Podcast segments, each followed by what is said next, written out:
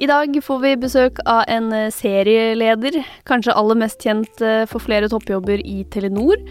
Hun oppdaget internett da internett ikke egentlig var en greie, og fant ut at det ville hun jobbe med. Og nå er hun altså sjef for den internasjonale delen av VIPS. Velkommen til Voksenpoeng med meg, journalist Nora Rydne i E24. Og velkommen til en ny episode av Mitt voksenpoeng med deg, Berit Svendsen. Velkommen. Takk for det.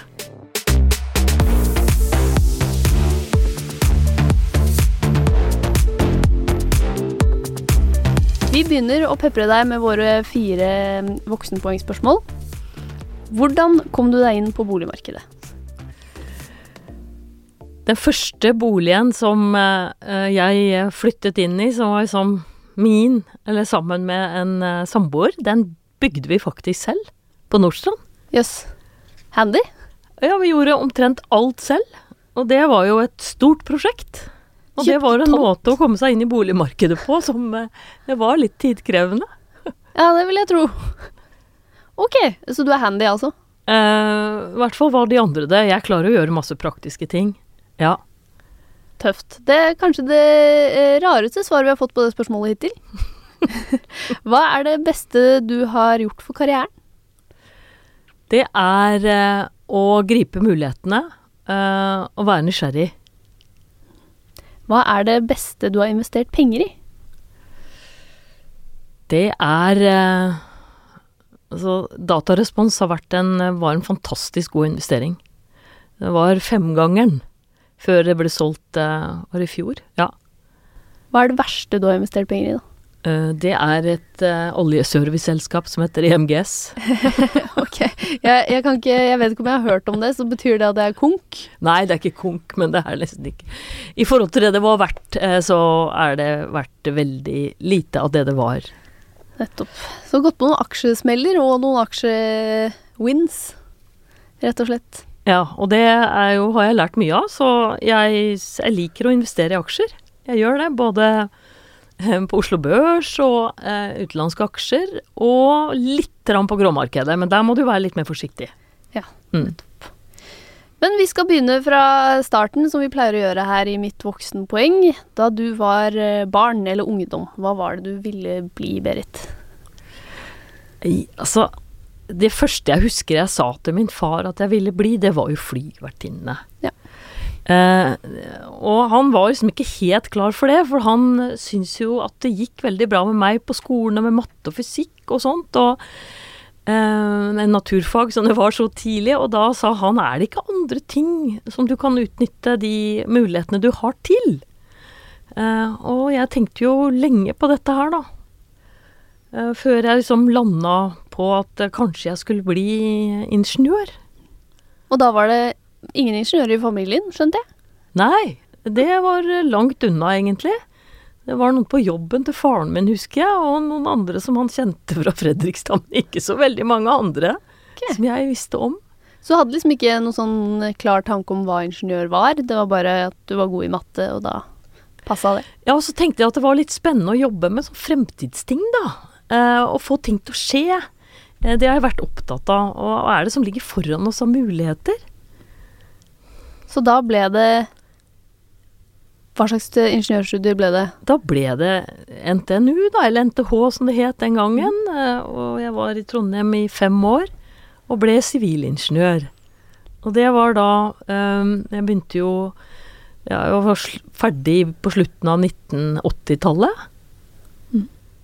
Og da begynte du og eh, Nå eh, har jeg hull i researchen her. Hva var det du Du begynte på noe, så bytta du, gjorde du ikke? Nei da. ehm, jeg eh, hadde jo veldig sånn etter NTNU, NTH, så hadde jeg veldig lyst til å gå ut i næringslivet og gjøre litt sånn karriere. Jeg syntes jo det var veldig spennende. Eh, og akkurat da kom finanskrisen. Den kom rundt sånn 1988, og da begynte veldig mange av de jeg gikk sammen med å slite med å få jobb. Eh, inkludert meg. Det var ikke så veldig enkelt. Og den eneste jobben jeg fikk, det var i Televerket. Og dette var jo en, en statsbedrift. Og jeg husker jeg diskuterte med min kjæreste den gangen, liksom skal jeg begynne i staten da? Han jobba jo i Norsk Data og syntes det var superkult. Um, og så var dette på forskningsavdelingen, og så diskuterte vi litt til, og sa ja da, du kan jo være der noen år, og så kan du eh, søke deg ut i næringslivet. Det var jo som sånn litt sånn planen og gjennomgangstonen i de diskusjonene vi hadde, da. Så jeg begynte på forskningsavdelingen eh, i Televerket. Og det var jo akkurat da de hadde lagt fra seg de hvite frakkene, for de forska jo veldig der. Ja. Eh, men de hadde lagt dem bort, eh, så det kom inn en del nye med ny, ny kunnskap. Eh, og jeg ble der eh, faktisk eh, Ja, jeg var vel der i sju år før jeg bytta beite. Sju år. Ja, for, Mhm. Men Televerket, det er ikke det samme som Telenor, eller? Jo, Jo. altså det ble jo senere Telenor og børsnotert. Ja, bytta nettopp, ja. navn, og så ble det børsnotert. Ja, Da Ja var da. du ikke bare sju år i Televerket, Nei, forskningsavdelingen. Jeg er Og så tok jeg videreutdanningen min, eh, som, eh, hvor jeg annet var et halvt år i USA. Og det var jo da jeg eh, oppdaga internett eh, for første gang. Ja. Um, jeg gjorde jo det egentlig også på høyskolen. Fordi der var det et appendix i eh, datanettboka i fjerde klasse eh, som het ARPA Eh, og det var for veldig spesielt interesserte studenter. Eh, og da tenkte jeg eh, Jeg var jo ikke helt sikker på liksom, hvilken retning innenfor elektro jeg skulle gå. Jeg hadde jo valgt telematikk og data i telesystemer, som var veldig analogt den gangen. Det var stort sett fasttelefoni. Og så hadde vi en gjesteforeleser fra Televerket som um, foreleste om den første mobilteknologien. Men da tenkte jeg jeg skal lese dette kapittelet om ARPANET. Og da tenkte jeg jøss, det er noen som tar i bruk dette datakommunikasjon som jeg eh, lærer om. Um, og da jeg kom på, begynte på forskningsavdelingen, så hadde jo alle kjempesvære arbeidsstasjoner, og alle var jo kobla til dette ARPANettet, eh, som senere fikk navnet Internett. Men det var jo bare tekst, det var jo ikke lyd og bilde og sånn vi kjenner det i dag. Det var kun tekst, så det var egentlig ganske kjedelig å bare sitte og kommunisere med akademia og forskningsmiljøer alle andre steder i verden. Men eh, der satt vi med svære arbeidsstasjoner tilknytta ARPANET eller Internett. Så det var liksom min første møte med arbeidslivet, da. Og det var da for veldig spesielt interesserte. Og da tenkte du eh, Altså, alle andre tenkte ja, ja, dette er en ting vi bruker til dette, og det er ikke noe fett, men du tenkte kult, dette kan bli noe. Jeg tenkte kult, for at i den perioden så hadde også Televerket begynt med datatjeneste, men det var basert på et helt annet prinsipp enn ARPANET. Eh, og eh, bedrifter i Norge hadde begynt å ta dette i bruk, sånn som man kunne gå inn i kiosken og tippe med, med Rikstotto eller Norsk Tipping, og bruke en av Televerkets datatjenester, sånn at den ble frakta den informasjonen til Hamar. Så det var altså mulig allerede den gangen i Norge å bruke kan du si, digitalt eh, kommunikasjon når man skulle eh, enten tippe eller spille på hest. Og så var det også um, en del av næringslivet som hadde begynt å knytte sammen hovedkontor og avdelingskontorer ved hjelp av disse tjenestene til uh, Televerket. Og det var jo veldig sånn Jøss, dette er spennende, men det var noe helt annet enn ARPANET. Fordi de ville gjøre det på sin måte. Alt skulle være standardisert. Televerken skulle være enig i standardiseringsorganisasjoner, hvordan dette skulle foregå. Det var tjukke standardiseringsmanualer på hvordan dette skulle foregå. Og, og så jobba jeg jo der til 1995, og da reiste jeg til USA på, på MIT.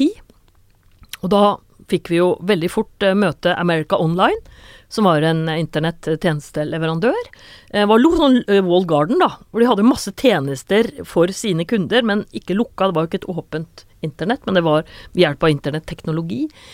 Og um, på det nettet da, så satt jeg jo på MIT, på laben der, og for første gang så leste jeg VG på nett. Ja, for de var tidlig ute, de. Ja, de var veldig tidlig ute, og da husker jeg ringte hjem til min mor og sa du, nå leser jeg VG på nettet, og hun sa hvordan i all verden kom denne avisa inn der? og da hadde jeg jo en lang eh, sånn forklaring på det, for jeg, dette var jo på en måte noe av det eh, jeg syntes det var veldig gøy å jobbe med. Ja, det skjønner jeg. Og da så jeg jo lyset. Når jeg var i USA, så skjønte jeg jo hvilke verktøy dette kunne bli, da. Men da er vi fortsatt på 80 Nei, vi er tidlig på 90-tallet der, ja. Mm. Og det, da var det liksom på vei til at folk i Norge også oppdaget uh, at internett det var kanskje kommet for å bli. Altså, Akademia og forskningsinstitusjoner alt det der var jo kobla til. Men det var jo ikke noe tjeneste for massemarkedet foreløpig. Og for å komme, koble seg på internett, så måtte man jo bruke mo, eh, modem. Eh, på, måtte ha en sånn ekstra tilknytning på sin PC inn i telefonkontakten. Og de første modemene som kom, det var jo 2400 bit per sekund. Og det er jo, det er jo så lav hastighet at du, det er liksom, du tror Du får ingenting. Eh, men så ble jo dette bedre og bedre, og så kom jo eh, ISDN fra Telenor. Og jeg husker jeg satt og så på disse kurvene for ISDN på et ledermøte. Og dette var den litt sånn mer etablerte delen av, av eh, Televerket Telenor. Og de kurvene på ISDN gikk jo rett til værs. Alle ville jo ha ISDN, og så satt alle og lurte på hvorfor. Og så sa jeg men alle skal jo tilknytte seg nettbank og internett. Og da var det sånn Oi, er det det vi driver med? Vi trodde vi drev med fasttelefoni her. og det var også sånn eye-opener, ikke sant. Og da tok jo dette av. For nettbanken eh, kommer jo, eller bankene kommer jo veldig fort på nett i Norge med gode selvbetjeningsløsninger. Så Norge har jo ligget så langt fremme i utviklingen. Hele tiden med digitalisering. Og tatt i bruk internett på et veldig tidlig tidspunkt.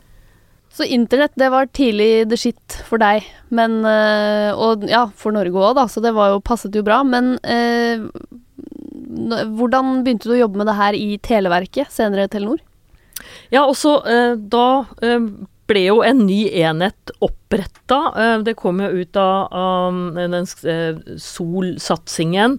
Uh, og en del andre ting som ble gjort sammen med Skipsted, så kom jo på en måte en satsing opp med at uh, man skulle bygge uh, et på en måte grunnfjell for internett i Norge, med internetteknologi.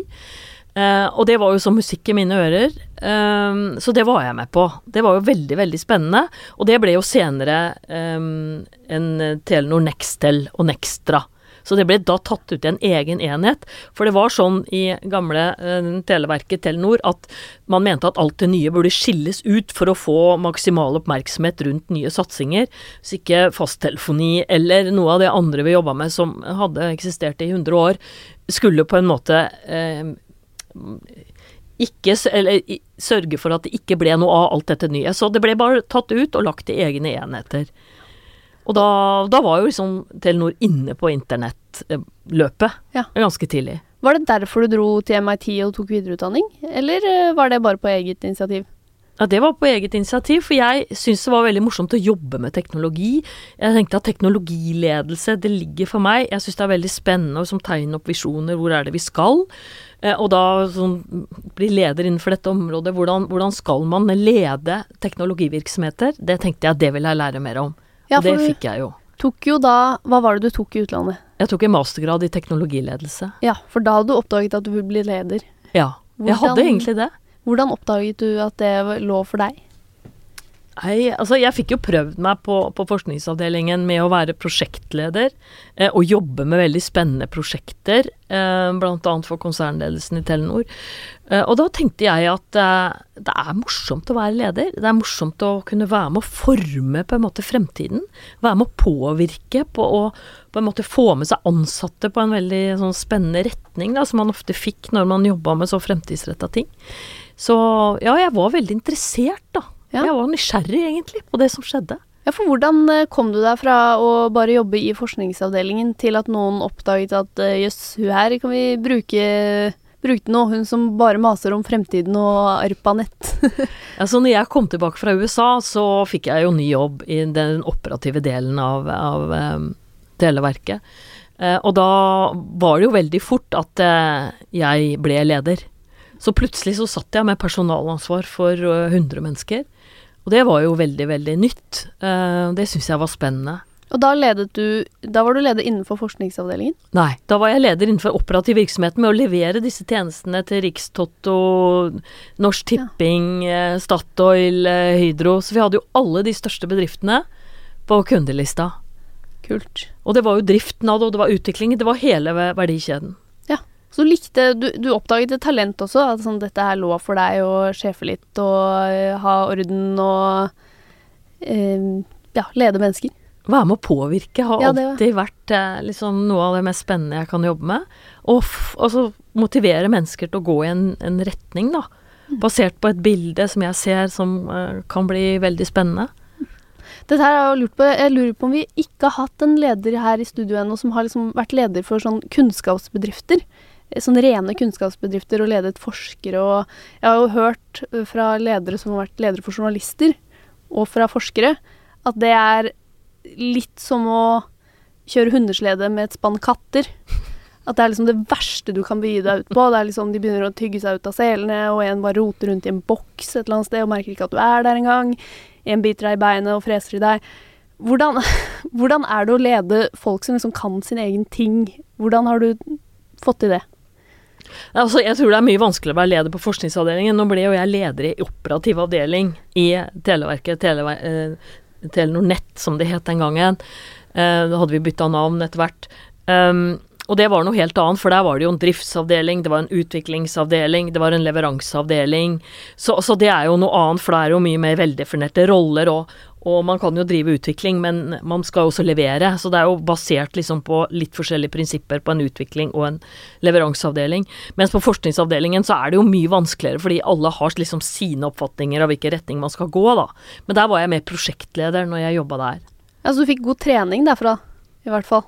Veldig god trening. Ja. ja. Hva lærte du eh, fra å starte som prosjektleder der, og som kom deg over i andre lederroller?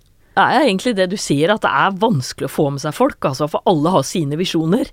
Mm. Og så er det på en måte hvordan skal du da klare å overbevise noen om at den visjonen jeg har er kanskje enda bedre enn din? Og det lærte du? Jeg har prøvd i hvert fall. ja, Men så gikk eh, veien, altså Du har jo hatt 100 eh, lederjobber i Telenor. Kan ikke du bare raskt ta oss gjennom hvor var det, hvordan var stigen her?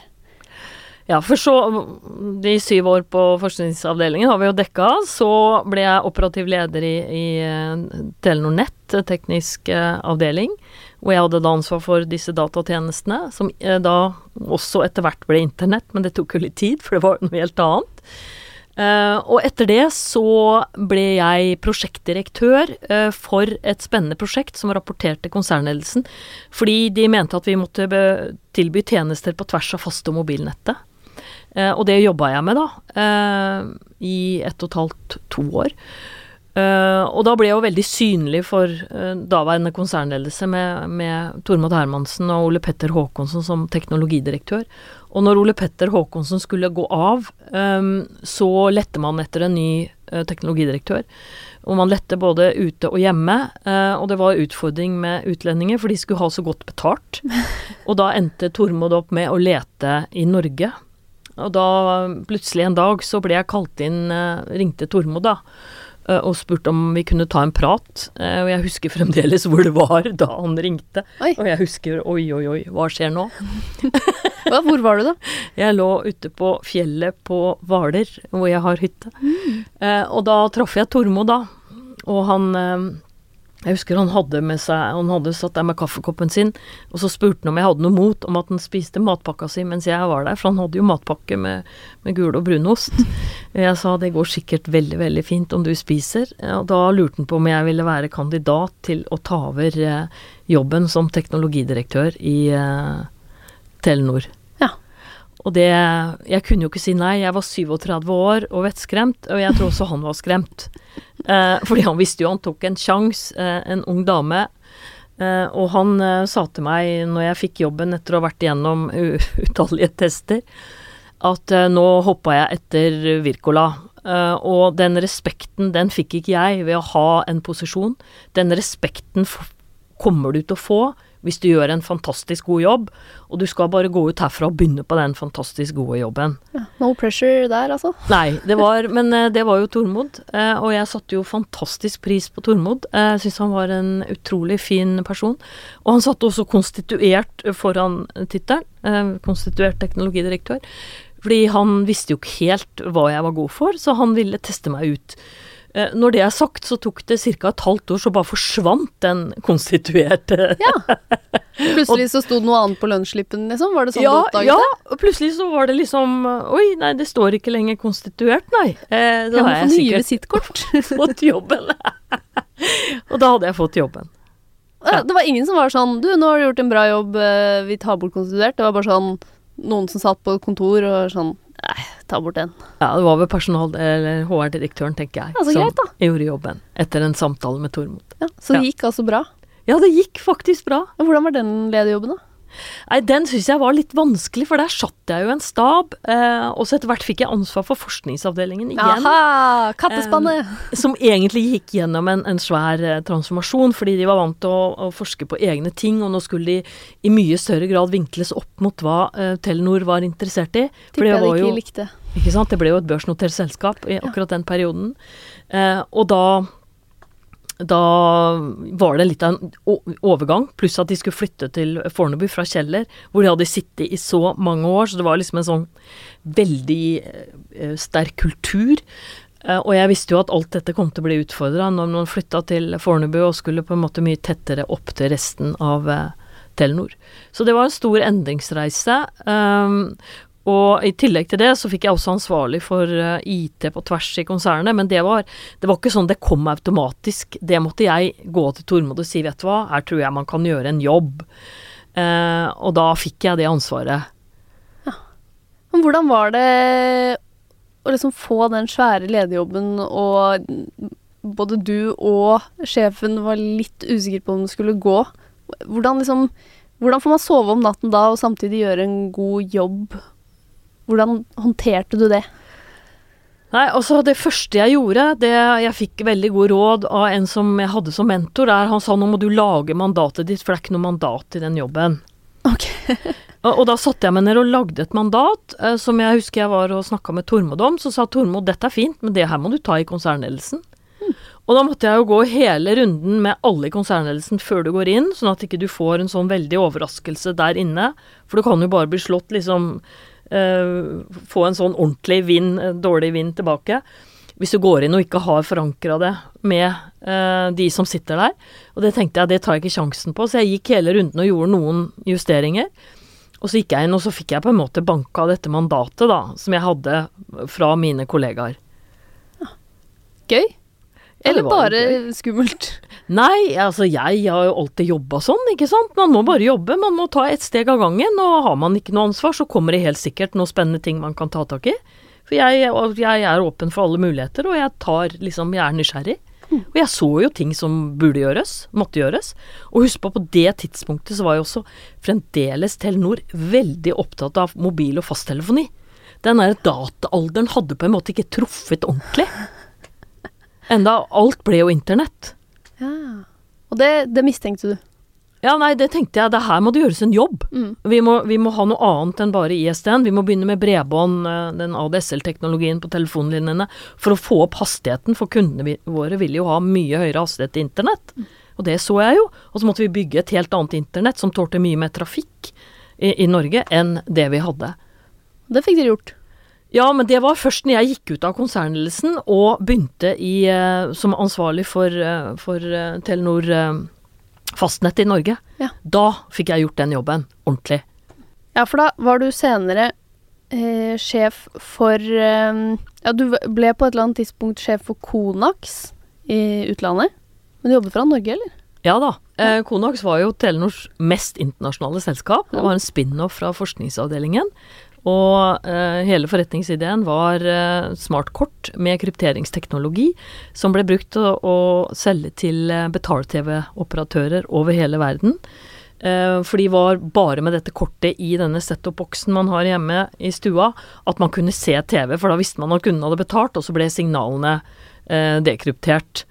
Eh, ved hjelp av det kortet. Så det var veldig sånn sikker teknologi som lå på et sånt smartkort. Eh, og det reiste vi jorda rundt og solgte. Vi var i Kina og India og Sør-Amerika, og det var en fantastisk reise. Det var utrolig gøy. Høres veldig god ut. Og så var det eh, Telenor Norge. Ja, og så etter tre år så ringte Fredrik, da, og så sa han Berit, vi må ha deg tilbake i Telenor Follen. eh, og da tok Fredrik og jeg en prat om eh, hvilken jobb det var. Og da sa Fredrik eh, du skal bli leder for Telenor Norge, og jeg vil ha deg inn i konsernledelsen. Og da gikk jeg inn i konsernledelsen for andre gang. Så det var jo også en, en, eh, en veldig ny, spennende mulighet. Eh, du har jo snakket litt om det før, men jeg har fortsatt lyst til å høre mer om det.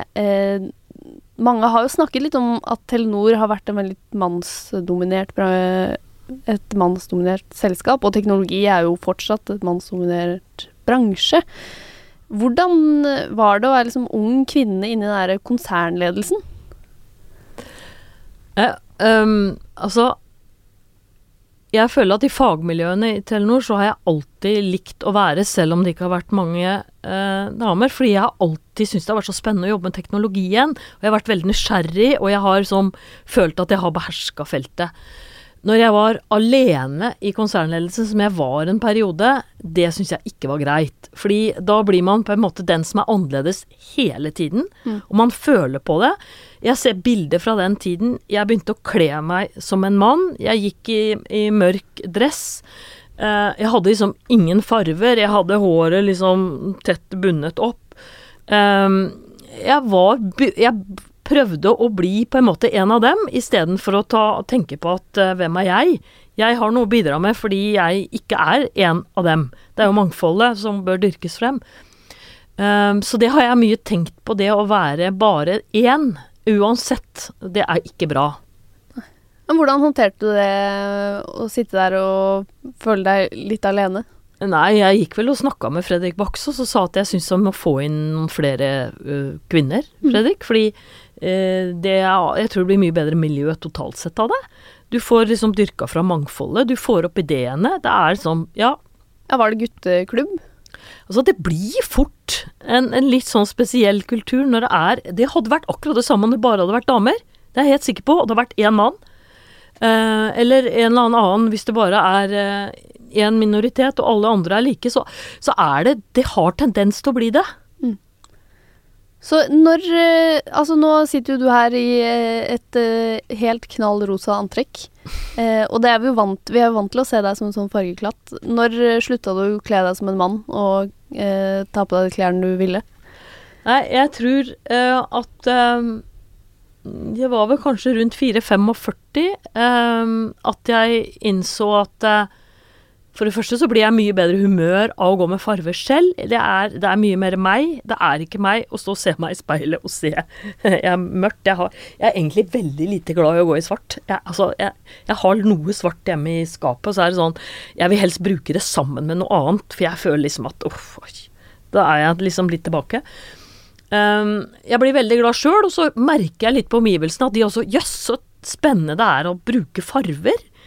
Um, så da, siden det, så har jeg brukt farger, og har jeg vært meg selv. Ja. Men var det liksom en sånn skifte, at du måtte få nok selvtillit til det? Var det, var det noe punkt der du tenkte sånn hvorfor kler jeg meg som en mann?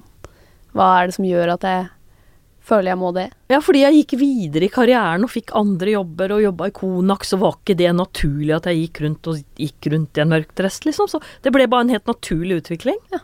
Ja, så runde to i konsernledelsen, da var, det, da var det mørke dresser og en fargeklatt som var eh, Berit Svendsen? Nei, i runde to så var det masse fargeklatter, for da var jo både Kristin Skogen Lund og Hilde Tonne der. Så da, da, var jo, da, var jo, vi over den der eh, perioden. Ja. Ja. Jeg har hørt at det har vært litt sånn røft miljø i ledelsen, eh, altså på toppen av Telenor. Har du noe uh, råd til andre kvinner som skal være ledere i mannsdominerte bransjer? Har du noe plukka du opp noen triks? Altså, det, jeg kan jo si det nå, hvordan jeg hadde gjort det nå, for nå hadde jeg jo bare sagt ifra til sjefen. Mm. Eh, og sagt at eh, dette må du jobbe med. Eh, her må du på en måte dyrke frem eh, ulikhetene. Eh, innovasjon skjer i kobling mellom mennesker fordi vi er forskjellige. Ideene, nye ideer kommer opp fordi vi er forskjellige. Eh, og, og, det hvis det blir på en måte bare et miljø som dominerer eller et annet, så, så, får man ikke frem det man egentlig skal, og jeg tror bedriften gjør det dårligere. Fordi man ikke får opp de gode ideene. Altså en konsernledelse skal ta beslutninger, og det er viktig å få innspill. Uh, og, og, sånn som uh, Telenor, som leverer tjenester til hele Norges befolkning. Du kan jo ikke sitte og ha ledelse bare fra én uh, andel av befolkningen. Så, så, det er noe med at liksom alle, alle ser det, og man, man, Jeg tror at det er fare for å, å ikke ta riktige beslutninger. Um, så, så, det er bare noe man må jobbe med, og nå hadde jeg bare gått og sagt til sjefen min dette må du gjøre noe med, for det er sjefen som må gjøre noe med det. Men den gangen var jeg kanskje litt mer beskjeden, da. Uh, jeg har jo opplevd noen episoder hvor uh, jeg har blitt oversett på møtene, jeg har kommet på møte på mandag, og alle har sittet med en spesiell bok som kom fra et universitet i Europa, og hadde hatt en helgetur som ikke jeg hadde vært med på. Mm. Og det er jo ikke greit. Nei, for hva, hva sier man da? Da blir man liksom så teit òg, hvis man var sånn Hvorfor ble ikke jeg invitert på helgetur, da? Man, det blir litt sånn Man kan jo ikke gjøre det. Eller skulle man egentlig gjort det? Ja, altså, i dag hadde jeg gjort det. Ja. Men da hadde jeg også eh, liksom Da må du skjønne at hvis du gjør det, så, så er det sånn at kanskje du bør ha en annen mulighet klar. For det er ikke sikkert du er så ønska i den konsernledelsen lenger. Det er jo et Det kan jo være et skjult signal på at liksom Nå er din tid over her for denne perioden. Eh, og da skifta jeg jobb.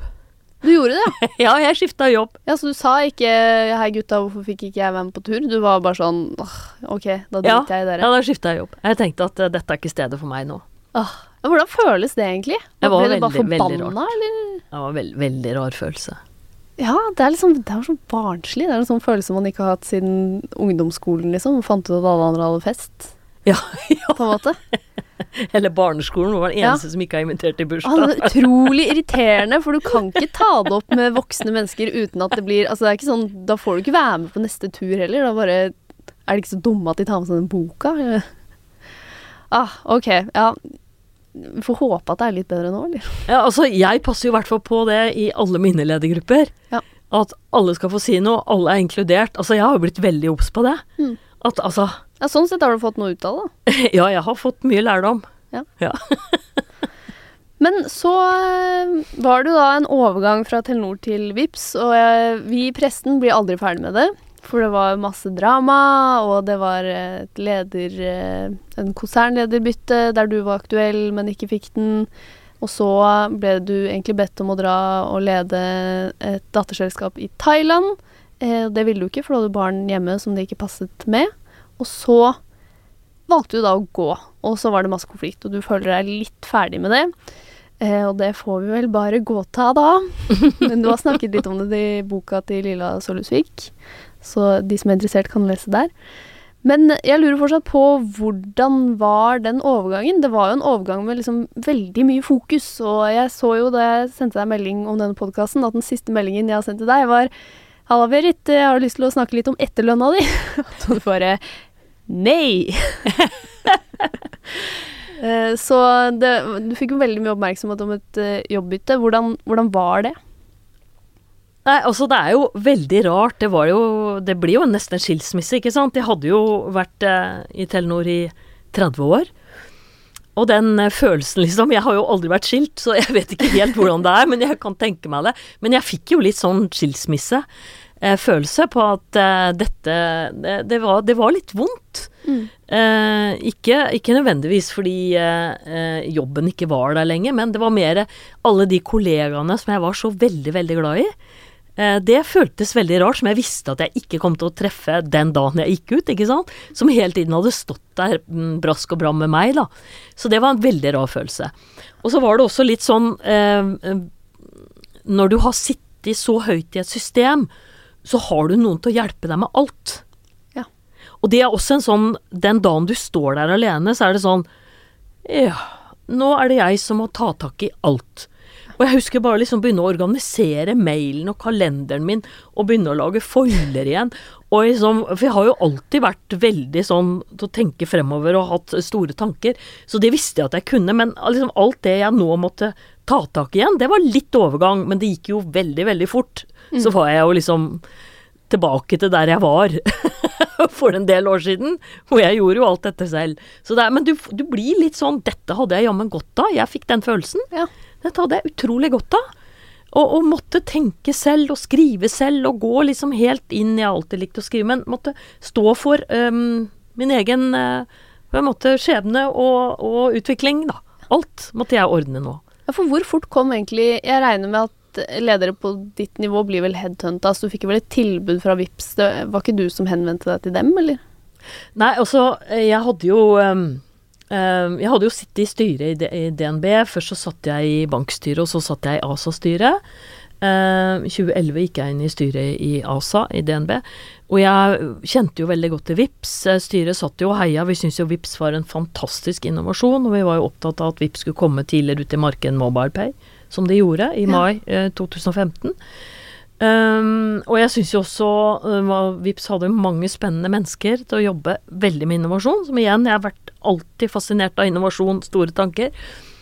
Og jeg hadde vel ikke hatt uh, Jeg hadde vel sittet hjemme en uke uh, og tvunnet litt uh, tommeltotter og tenkt hva er det jeg gjør nå? Da ringte Rune Garborg og spurte om kan ikke vi ta en lunsj, Berit. Jeg har lyst til å snakke med deg om en mulighet. Og Rune Garborg, han er? Han er sjef i Vips. Ja. Og da eh, tenkte jeg vips, ja. Du verden, det er morsomt. Og da tok det ikke lang tid, da, før han og jeg var enige om at jeg skulle se på utenlandssatsingen i Vips. Uh, og da tenkte jeg det er noe jeg virkelig har lyst til å gjøre nå. Ja. Det er noe helt annet. Ja, for Var du noensinne bekymra da du gikk ut? Du gikk jo på dagen. Det er jo en veldig brutal skilsmisse, på en måte. Var det noe punkt der du tenkte sånn Hva gjør jeg nå? Eller tenkte du eh, det kommer en ny mulighet uansett? Nei, jeg tenkte jo hva gjør jeg nå? Og så Ja. tenkte jeg på tidsperspektivet. For jeg hadde jo hatt en del kolleger som hadde vært gjennom akkurat samme skjebne. Mm. Og det, altså, det kommer ikke nye jobber seilende på en fjøl. Så jeg visste jo at dette kunne ta tid. Jeg visste ikke hva som kom. Så jeg fant ut at det viktigste jeg gjør nå, er å finne ut hva jeg har lyst til. Ja. Hva er det egentlig som jeg brenner for? Som, som gjør liksom at jeg kan bli veldig godt skikka for den neste jobben, da. Ja, for du fikk jo et annet jobbtilbud som du takka nei til. Eh, skjønte jeg? Altså, det har jo kommet en del tilbud. Ja. Eh, absolutt. Men eh, det har Ingen har vært like spennende som den vips tilbudet Nei, nettopp. nettopp. Ja. Men det gikk ganske fort. Ja da. Ja. Og jeg begynte jo i Vipps eh, Jeg slutta i eh, Telenor for første, ja, i begynnelsen av september, og 1. november så begynte jeg i VIPS. Jeg hadde jo egentlig tenkt å begynne enda tidligere, men da hadde jeg en mentor igjen som sa nå må du ta deg en måned til fri. Ja, okay. Og det var bra. Det var det. Ja, for det var godt å få på en måte Så fikk jeg skrevet ned historien eh, om, eh, om Telenor. Eh, og så Fredrik Baksås har jo skrevet en veldig fin bok, men jeg tenkte nå skal jeg lage min historie. Hva har jeg vært gjennom på de 30 årene? Og det var veldig godt å få gjort, ikke sant? For det får man jo aldri gjort. Nei. Hjalp det deg å liksom finne ut uh, hvor skal jeg nå? Ja, ja, det gjorde det. Og da ble jeg liksom Ja, jeg vil jobbe med innovasjon. Hva er det, hva er det jeg har oppnådd?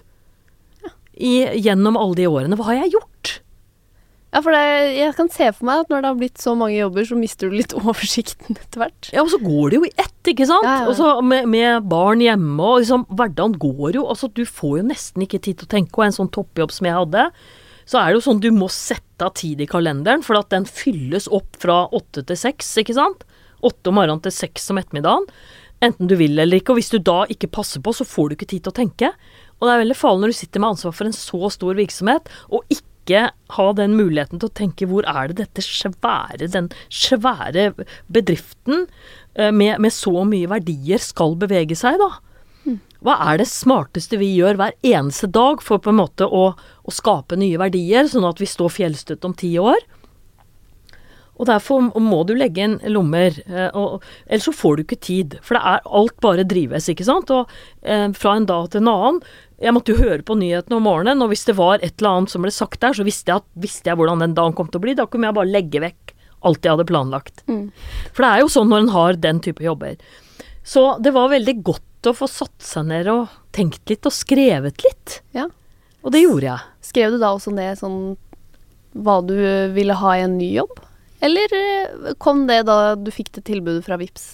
Nei, altså, jeg visste jo, når jeg liksom hadde jobba med, med Telenor, at Norge lå jo veldig langt fremme. Både på mobil, bredbåndsinfrastruktur, langt frem på digitalisering. Eh, og jeg tenkte at jeg vil jobbe med en bransje som ligger veldig langt fremme.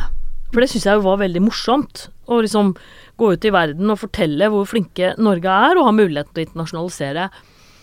Og jeg tenkte jeg vil jobbe med en bransje i vekst, fordi eh, Telekom har jo slutta å vokse.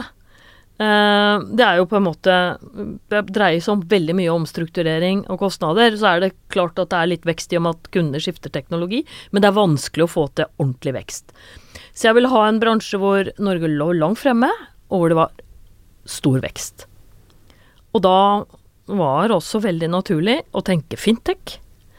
Eh, og eh, norsk eh, finansbanknæring ligger jo helt i front når det gjelder digitalisering. Ja, det er det kanskje ikke så mange som vet, eller? Nei, men eh, du må liksom jobbe med det for å vite det. Jeg mener, både vi, I Norge så er det 3% av alle finansielle transaksjoner som er kontanter. Mm. I Tyskland så er det 74 Ja, det er heftig. Jeg oppdaga ikke det før jeg studerte i Australia. For jeg- For jeg har liksom alltid tenkt at sånn Norge er vel helt midt på treet. Og så var det sånn Å ja, her opererer vi fortsatt med papirbillett på bussen, ja. Interessant. Så vi eh, har det greit her. Men eh, eh, kunne du noensinne gått tilbake? Eh, hvis du fikk tilbud om å bli konsernsjef i Telenor nå, hadde du tatt den? Altså, jeg har jo verdens mest spennende jobb i VIPS, og jeg vil jobbe med innovasjon. Så det er liksom der jeg er. Så er det et nei der. Ja. Og nå har jo VIPS også blitt mobiloperatør. Ja. så det er jo også en veldig spennende kan du si, posisjon for VIPS å, å forsøke å ta, da. Mm. For det er, jo, altså, det er jo veldig mange selskaper, inkludert Telekom, som ikke er i stand til å begeistre kundene så veldig mye lenger. Det skaper ikke engasjement hos kundene. Det er mer sånn 'det må vi ha' tjeneste. Og så får vi fakturaen, og så blir vi egentlig litt irriterte, for vi, den er mye høyere enn det vi hadde trodd. Så det er jo på en måte en stor jobb å gjøre om å jobbe med kundene. Men Vips har jo Norges mest kjente merkevare. Eh, altså en, en, vi har jo 3,8 millioner kunder, og er jo, kundene er jo vanligvis inne flere ganger i uka og gjør eh, betalinger i vips appen Så det er veldig relevant. Og når man har eh, ID, elektronisk ID og betaling, så er det jo veldig, veldig spennende å tenke hva kan vi gjøre på toppen av denne fantastiske plattformen som Vips er, med det kundegrepet. Hvordan er det å være leder nå for eh, en så annerledes eh, bransje, da? Er det, er det tilbake til at det er vanskeligere å lede med folk med egne ideer og sånn, eller er det lettere? Nei, Altså, jeg kunne jo Telekom ut og inn. Det var jo som jeg, det er en- bransje jeg kan fantastisk godt. Eh, og jeg visste jo når jeg kom til Vips at jeg kan ikke fintech. Eh, jeg syns betaling eh, Jeg skjønner hva som skjer hos kundene og alt det der, men hvis man går bak i strukturene og ser hvor mange aktører det er, mange som har en rolle, og hvor mange måter det er på en måte å gjennomføre en betaling på, så blir man sånn oi. Men så tenkte jeg jeg skal ikke gå inn i de detaljene, jeg skal prøve å holde dette på et litt høyere nivå. Og lage liksom hva er det VIPS kan gjøre? Eh, og da treffer jeg jo selvfølgelig noen i VIPS som er, har litt annen kompetanse enn meg, kunnskap og kompetanse. Og så blir det så mye spennende ideer. Og det er jo kjempegøy. Vi skal snakke Jeg vil ha litt uh, mer eh, tips og andre som vil inn i den bransjen, men først så har vi en spalte som heter Tabbespalta. Hva er den største tabben du har gjort i karrieren, Berit?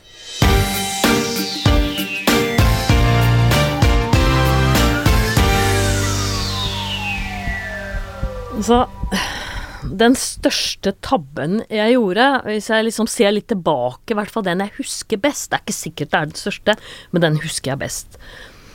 Um, I litt sånn internetts mer spede begynnelse i Norge, så var samtrafikk mellom aktørene i Norge som drev med internett, både de som hadde innhold og de som hadde nett, det skjedde i et punkt som het NIX. Network Interchange. Og det punktet, det var mer en sånn dugnad drevet av Universitetet i Oslo-type virksomhet. Ja. Og eh, dette her eh, var vi eh, fra, eh, fra Telenor siden, så tenkte jeg at dette må kommersialiseres. Vi må ha en, eh, en forskjell på de som utveksler trafikk, som er nettoperatør, og de som sitter med innhold. For ellers så får de på en måte kunne mulighet til å tilby innholdet sitt liksom gratis på de som bygger nett. Så her må vi lage en forretningsmodell. Uh, og det jeg da fikk opp ideen på sammen med noen andre uh, i Telenor, var at vi skulle koble Telenor fra den uh, Nixon. Og du verden, da fikk jeg hele mediet Først så kom hele Medie-Norge på banen med Schibsted. Alle kom på banen. Eh, og ble skjelt ut, og Oi. vi ble skjelt ut, og jeg sa her er storm i vannglass, og vi prøver bare å få til gode forretningsmodeller og alt det der. Og til slutt så ble det høring i Stortinget. Eh, så dette ble egentlig ganske heavy. Men i mellomtiden så sto jeg der, da, og så følte jeg liksom at uff, det er jeg som på en måte må fronte dette utad. Og da ringte Fredrik. Og Bakse også, så sa han Berit, jeg tror du trenger litt hjelp her, jeg. Jeg tror den her er litt vrien. Og så sa han nå skal du få med deg kommunikasjonsdirektør eh, eh, i Telenor. eh, og så Anne Sissel Skånevik, og så skal du og henne finne en god måte å gjøre dette på i Stortinget. Og Pål Kvalheim var også med, husker jeg, han var også på kommunikasjon. Og da fikk jeg med to så gode, gode ressurser. Um, og, og det hjalp oss gjennom den høringen, og vi fikk liksom dette rigga på plass. Men for eh, Det var altså Medie-Norge. Altså, de var de, Altså, ja, jeg, jeg skjønner dette, Man skal ikke erte på seg Medie-Norge. Eh, og spesielt ikke bare på sånn sak som jeg tenkte kunne være utviklende for reelle internett i Norge. Eh, fordi vi mente jo at Schibsted skulle betale for den tilgangen. Ja, selvfølgelig. Og for å oppsummere, det gjør de ikke i dag. Det er vel ingen som betaler for å være på internett. Nei, men vi skulle ikke betale for linja heller. Altså, det var hele greia, da. Ja. De, bare, de fikk bare en sånn gratis inn Ja. til internett. Men Og tenk det, så mye dere kunne tjent hvis du hadde fått det til. så, så, men eh, det var da Det er vel Men det jeg lærte meg, da og det er jo sånn Hvis du står i salaten sånn som jeg gjorde da For jeg følte jeg sto liksom ordentlig godt uti. Det er liksom rop om hjelp, og ikke tråkk mere. For jeg fikk jo da de beste ressursene i Telenor til å hjelpe meg liksom ut av den. Ja, ja, ja. Ja. Ikke verst. Høres ut som effektiv læring, i hvert fall. Var det noe du liksom aldri Var det noe du ble redd for å gjøre etter det? Altså, preget det deg på noen måte? Bortsett fra at du lærte deg å rope om hjelp. Nei, for da tenkte jeg alltid at hvis jeg tråkker uti det altså Det er mye bedre altså Hvis man er leder, så må man ta sjanser. Ja. Man, hvis man blir sittende i den altså Sånn som Fintech som jeg jobber innenfor nå, det var også sånn i Telekom når vi hadde så stor vekst. Det er egentlig mye verre å sitte stille enn å prøve å ta en posisjon. Og det har jeg lært. Og da, hvis man prøver å ta en posisjon, så tråkker man noen ganger litt uti det. Mm. Og da må man bare be om hjelp. Og tråkke seg ut av salaten igjen. Trygt ut av salaten. Det er jo eh, bra å ha med seg. Men eh, så lurer jeg også på Nå er det jo eh, Den bransjen du jobber i, er jo i vekst, og så er det antagelig ganske mange som er på skolebenken nå, eller som eh, snart er ferdig og skal søke seg jobb, som kanskje vil inn. Hva er det dere ser etter i fintech-bransjen nå, og i VIPS spesielt, da, siden du kjenner det best? Så jeg ser jo etter eh, folk som ser muligheter. Ehm, har mye energi. Uh, og har en viss eh, plattform for kunnskap og kompetanse. Og kan samarbeide med andre. Ja. Hvordan tester du det? Det tester du med en gang. Ja, ok. Du ja, ser du det på bare lar flere hilse på og kanskje intervjue kandidatene. Mm. De som skal jobbe sammen, bør få hilse på og prate med dem. Er det noen spesiell utdannelse du ser etter, da? Altså det, kan, nei, altså det kan være alt fra økonomer, ingeniører, jurister Altså bare de har det mindsettet, Mhm. så kan de lære seg veldig mye. Kult. Spennende. Vi har et siste spørsmål her, eh, som vi alltid stiller. Hvis du kunne reise tilbake og gi 20 år gamle Berit eh, et råd, hva ville det vært? Vil være å gjøre akkurat det samme som jeg har gjort, men da i en moderne form. Ja. For jeg syns jeg har Jeg valgte helt rett. Jeg syns jeg har fått vært med på verdens mest spennende reise. Men min oppfatning er at det mest spennende ligger foran oss. Og hvis du ser nå hva som skjer i USA, disse milliardærene på internett som da skal prøve å okkupere rommet, verdensrommet, med raketter som ikke skrotes etter én oppskyting, men som kan gjenbrukes og gjøre det mulig for folk å reise ut i rommet og få interplenar, internett og kommunikasjon mot Mars og alt, så tenker jeg, du verden. Noe så spennende på teknologisiden som ligger foran oss. Og det andre er jo det som skjer innenfor digitalisering og elektronisk handel, og hvor pandemien på en måte har gjort at vi alle eh, er mye mer på nett og gjør mye mer på nettet enn vi har gjort noen gang. Så det er bare Jeg ser så mye spennende muligheter, så jeg ville gjort akkurat det samme, men da helst i en modernisert form enn det jeg har. Så du skulle ønske du kunne møte Berit 20 år hvis hun var født nå. Hmm. Ja. nettopp. Sagt vært, vært, vært enda mer nysgjerrig. Grip enda flere muligheter. Så, hvis vi skal prøve å oppsummere hva vi kan få med oss av karrieren din, Berit. Først, vær nysgjerrig. Stå på ditt og stol på at kunnskapen du har, eh, Den eh, er bra, og jobb med det du syns er spennende, for det kan jo være det neste store som dukker opp, som internett for din del. Spør om hjelp. Det lærte jo du tidlig i karrieren av ledere og mentorer, men også å gjøre tabber senere som du måtte ha litt hjelp til å komme deg ut av på en pen måte. Si ifra hvis noe ikke er bra.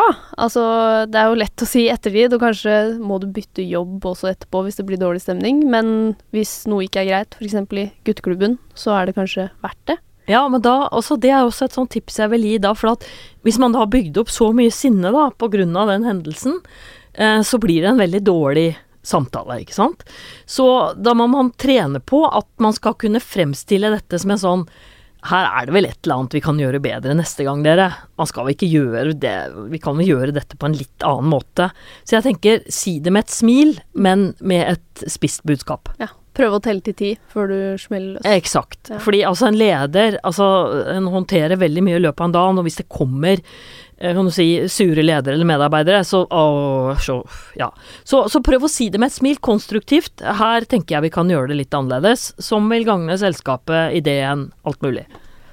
Og så til slutt, vær deg sjæl. Gå i rosa hvis du vil. For du må ikke kle deg som alle andre, f.eks., eller oppføre deg som alle andre. Nei, absolutt ikke. Bare tenk hva har jeg lyst til å ha på meg i dag? Se inn i klesskapet. Mm. Oi, her var det mye spennende. Kanskje ikke joggebukse da, hvis du er i konsernledelsen. Nei, men hjemmekontor så går jo det, men da bør man kanskje ha noe annet. en skjorte over. Men kan være rosa. Veldig bra. Tusen takk for at du eh, kom hit i dag, Berit Svendsen, sjef for den internasjonale delen av VIPS. Det var hyggelig å være her. Produsent i dag, det var Kristine Masdal Odne. Og hvis du vil f.eks. lese skoledagboka til Berit Svendsen, eller få med deg det annet ekstramateriale fra podden, så må du gå og følge oss på Instagram. Der heter vi Voksenpoeng med Nora.